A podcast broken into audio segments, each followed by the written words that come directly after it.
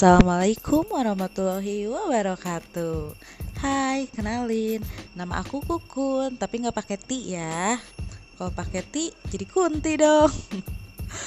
Aku cuma seorang gadis yang bercita-cita ingin bahagiain orang tua, banyak uang, terus punya suami idaman, punya anak yang lucu-lucu, tua bahagia, mati, terus masuk surga deh.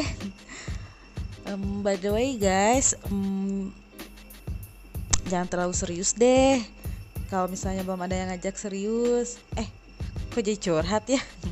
maaf maaf.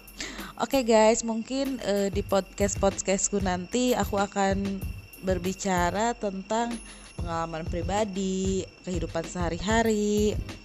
Tentunya semoga podcastku bisa menginspirasi kalian, bisa menghibur kalian juga dan pastinya semoga kalian yang dengerin gak ngantuk ya. Oke, okay, see you guys.